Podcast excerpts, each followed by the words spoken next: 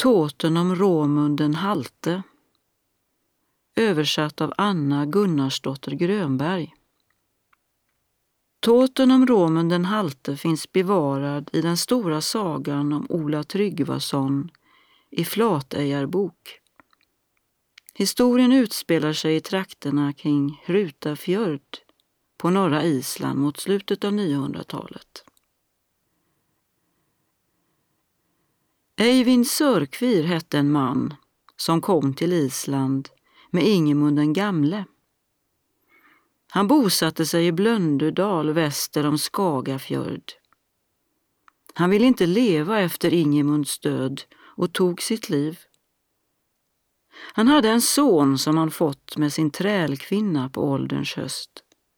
Sonen hette Romund.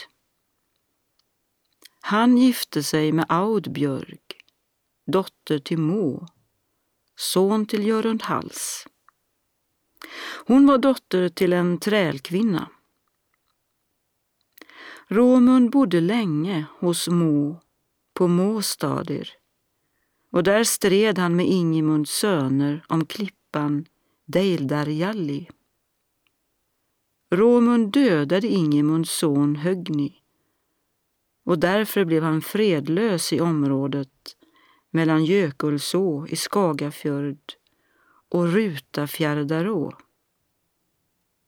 Romund blev sårad i benet och var sedan dess alltid halt. Därför kallades han Romund den halte. Han köpte Fagrabräckuland väster om Rutafjärdarå och bodde där en tid. Han byggde en stark befästning runt sin gård och han var en ståtlig man med stor värdighet. Sonen hette Torbjörn Tyna och Audbjörg var hans mor. Han gifte sig med Gudrun, dotter till Torkel på Kärseiri, som tog land söder om Rutafjärdarhals. Deras son hette Torleif och kallades Råmundar Fostri. Råmund hade ännu en son som hette Hallstein. Alla män i den släkten var stora och starka. Torkel på Kärseiri hade en son som hette Torir och var bror till Torbjörns hustru Gudrun. Han bodde på Melar inte långt därifrån. Hans dotter hette Helga. Hon var en mycket vacker och duglig kvinna. En sommar kom det ett skepp från havet in i Rutafjörd till Bodeiri. Skepparen hette Sleitu-Helgi och hans bror hette Görund. Det var tolv män ombord. De var bråkmakare och uppkäftiga och få handlade med dem. Man begav sig hellre utanför häradet för att handla med andra skepp. Folk fick höra att de var vikingar och rövare och bara sålde stöldgods. Ju längre sommaren led, desto färre var det som handlade av dem. Då sa Helgi, nu vill jag uppmana er att inte vara så hetlevrade och att visa er från er bästa sida för folket här. Försök hysa in er hos bönderna, för jag tycker det verkar svårt att få detta folk att ändra uppfattning och de uppskattar inte bråk. Jag har hört att männen här är starka och riktiga översittare. När en halv månad hade gått hade tre män fått vinterviste. Då sa Helgi, inte är folk här angelägna om att ta emot oss och det måste vi ha förståelse för. Låt oss fortsätta att rätta oss efter dem. Och det gjorde de, men förhållandena hade redan blivit sådana att folk inte bjöd in dem. En gång red Torir från Melar ner till skeppet och träffade Helgi. Helgi tog emot honom mycket glatt och frågade vad han ville köpa. Torir sa att han behövde köpa virke eftersom mina hus nästan är fallfärdiga. Helgi sa att han skulle se till att han fick köpa så mycket virke som han behövde, men då måste du ta emot oss allihop över vintern. Han sa att han inte kunde göra det. Men jag saknar inte vadmal att betala med. Förresten är ni inte omtyckta här. Han drog sig för att ta emot dem. Helgi sa, folket här visar verkligen sin motvilja mot oss. Men det blir nog så, käre bonde, att du får bekymmer om du inte tar emot oss. Torir sa att det var just därför de inte hade några vänner. Helgi svarade att det var hans sak att bestämma villkoren. Annars är det inte så säkert att du kommer att kunna ta dig hem igen. Och när de hade kommit så långt sa bonden Torir. När du nu pressar mig så hårt måste du avlägga en ed enligt vår landslag om att ingen av er ska göra någon orätt mot folk eller egendom i vinter. Varken mot mig eller mot andra, inte mot mitt hushåll eller mina grannar. Ni får bo under mitt tak, men ni får själva skaffa er mat. Helgi svarade, som du säger, bonde. Så flyttade de dit och åt och sov för sig själva i ett av husen. Inte blev Torer särskilt uppskattad för detta av folket i trakten och de tyckte att han tagit på sig allt för mycket. När männen hade bott där en tid började skepparen och husbondens dotter att träffas allt oftare och samtalen ledde till kyssar och omfamningar och till ett allvarligt förhållande. Torir sa Helgi, jag vill att du håller ditt löfte till mig och inte vållar mig någon skam eller vanära. Sluta träffa min dotter Helga och stå vid ditt ord till mig. Helgi sa sig tro att hans och Helgas kärlek inte skulle falna i första taget. Det är inte till vanära för dig om jag ber om hennes hand enligt den lag som råder här i landet och ger dig den hemgift du begär. När Torir insåg att det inte fanns utsikter till någon förbättring och männen fortsatte att vara bråkiga bestämde han sig för att gifta bort sin dotter Helga med Sleitu-Helgi. Bröllopet hölls tidigt på vintern och därefter uppträdde männen inte allt för illa mot folk, om de inte blev hetsade. Det hände sig om vintern att Råmund blev av med fem hingstar som alla var riktigt feta. Man undrade mycket över vad som hade hänt dem. Råmunds söner sa att de trodde att de blivit uppätna eftersom de inte hade synts till och inte hade för vana att springa bort.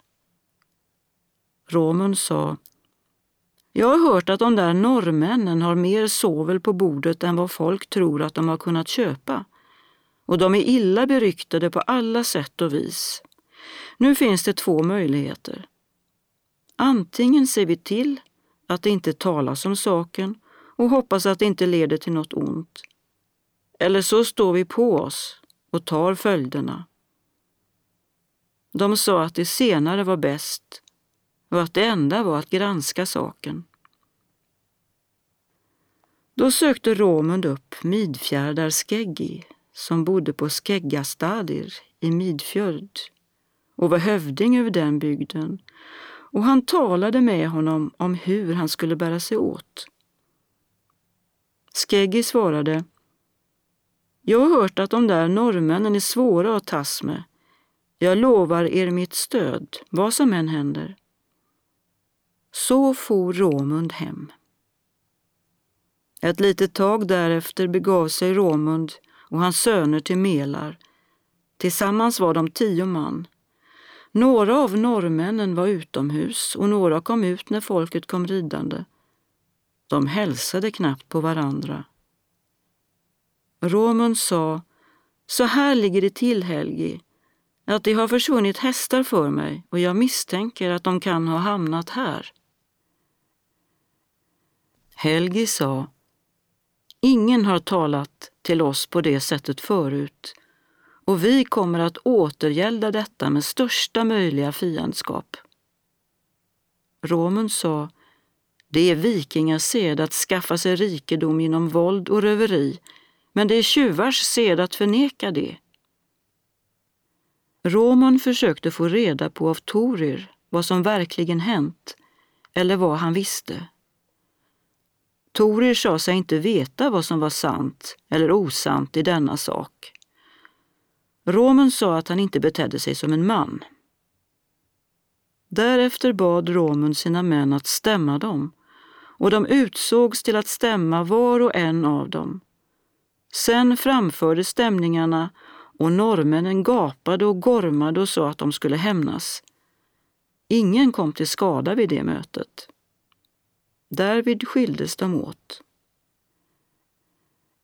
Romund och hans män red så hem. När de varit hemma en kort tid sa Romund, vi måste hämta hit tre män till och låta förbättra vår befästning eftersom den har förfallit. Och vi får räkna med att de kommer att hålla vad de lovar och betala igen med ont. För de kommer inte att svika sitt löfte om största möjliga fiendskap. Sen överlämnade de alla stämningar till Skeggi i Midfjörd och målet gick till alltinget och samtliga norrmän fälldes för häststöld. Men Romund och hans söner satt hemma medan tinget pågick. Norrmännen förberedde sig för uppbrott från Melar och talade vänligt med Thorir. De skulle rusta sitt skepp och tog vägen förbi Fagrabräcka. Romund och hans söner befann sig just då utomhus. Helgi sa ni kommer inte att ha någon nytta av den där befästningen. Den kommer att tjäna er som minst när ni behöver den som mest. Och jag kommer nog att få se både dig och dina söner blodiga, Romund. Romund sa, inte tvivlar vi på er illvilja. Men vi tror nog att det är några som kommer att få blodig näsa innan vi faller. Nu skildes de åt för denna gång. En morgon satte sig en korp uppe vid rökhålet i taket och kraxade högt. Romen låg i sin säng och vaknade och diktade en strof. Jag hör den svarta svanen i stridens röda morgon.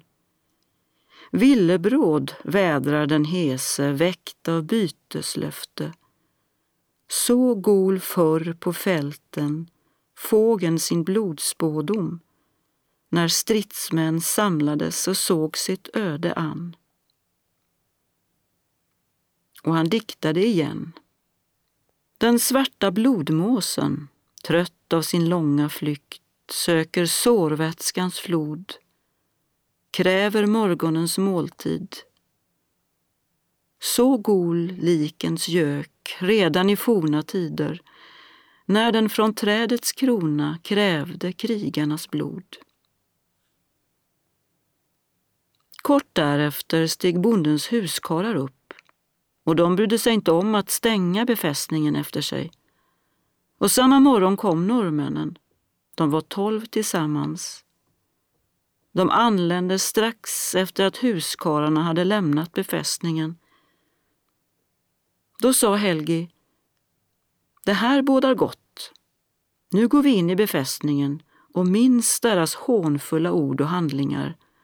Och om jag får råda så är deras befästning inte till minsta nytta för dem. Torbjörn Tyna vaknade av deras tal och rusade genast upp och till storstugans dörr och han såg ut genom en glugg som var utskuren i dörren enligt gammal sed. Han kände igen norrmännen och såg att de tagit sig in i befästningen. Då gick han in igen. Då sa Romund, vad är det som har hänt? Torbjörn svarade, jag tror att norrmännen har tagit sig in i befästningen och tänker hämnas våra anklagelser mot dem, men jag förstår inte hur de har tagit sig in. Romund for upp och sa, då går vi upp och kör ut dessa oduglingar och skaffar oss själva ett gott rykte och kämpar som riktiga män. Han äggade sina söner och sin fosterson Torleif, som var femton vintrar gammal och såg både storvuxen och orädd ut. Han gjorde sig också redo att gå ut, men kvinnorna sa att han var för ung och att han skulle bli dödad och att Romund var för gammal för att bjuda motstånd. Då diktade Romund en strof. Inte var jag denna dag åt dödens makt bestämd. Gör bruk av våra vapen i Valkyrians larm. Jag räds sig fast blodet färgar sköld och svärd.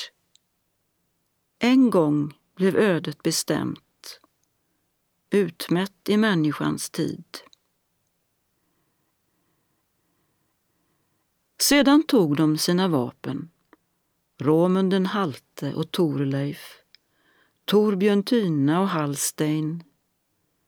De gick ut genom den dörr som låg på husets kortsida och tog sig fram över tvärbjälken och låste den andra dörren som låg på långsidan. Norrmännen sprang upp mot väggen och sköt mycket våldsamt mot dem. Helge var känd som en stor kämpe, stark och oförskräckt. Nu var han rent rasande och de var alla hårda och uthålliga.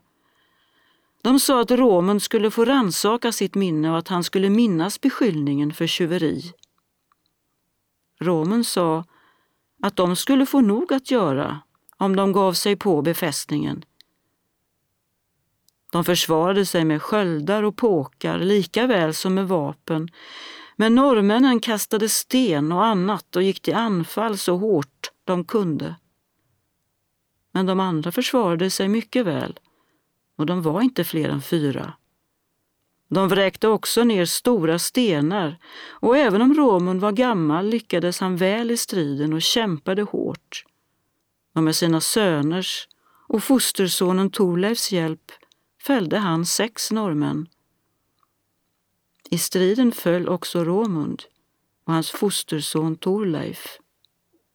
Alla de norrmän som överlevde drog sig tillbaka från befästningen och Torbjörn Tyna sprang efter dem och jagade iväg alla som hade överlevt. Men när Torbjörn skulle stänga befästningsdörren kastade Helge ett spjut mot honom som träffade honom i veka livet. Han drog själv ut spjutet ur såret och skickade tillbaka det mot norrmännen och träffade Görund, Helgis bror, i magen. Helgi drog upp honom när han föll till marken och slängde upp honom på sin rygg och sprang ut ur befästningen tillsammans med alla sina bundsförvanter, de fem som fortfarande levde. Hallstein sprang efter dem tills de kom till den bäck som ligger bortom Fagrabräcka. Där ville Helgi hoppa över med sin bror, men det var branta slänter på båda sidorna. Hans krafter hade sinat och Jörund gled ner från hans axlar och var död. Då vände sig Helgi om och just då kom Hallstein emot honom och högg av honom ena armen. Norrmännen gav sig så av och Hallstein angrep Görund men upptäckte att han var död. Men de andra kom undan och när Hallstein såg det vände han tillbaka. Han fick då veta att hans far var död, liksom Torbjörn Tyna. Men Torleif hade ännu inte slutat andas. Hallstein bar in honom. Kvinnorna frågade hur det hade gått. Han sa som det var. Helgi och de andra for till havs samma dag och de förliste allihop bortom Skridinsenni. Torleif blev återställd och bodde på Fagrabräcka och ansågs vara en god bonde. Men Hallstein for till Norge och sökte upp Olof Tryggvason. Kungen förkunnade den kristna tron för honom och han lät omvända sig. Därefter blev Hallstein en av kungens män. Han stannade hos honom och var den järvaste bland män pålitlig i strid och högaktad av kung Olof. och det sägs att han stupade på Ormen Långe sedan han tappert hade försvarat sig och på så vis vann han ett gott rykte. Och här slutar berättelsen om honom.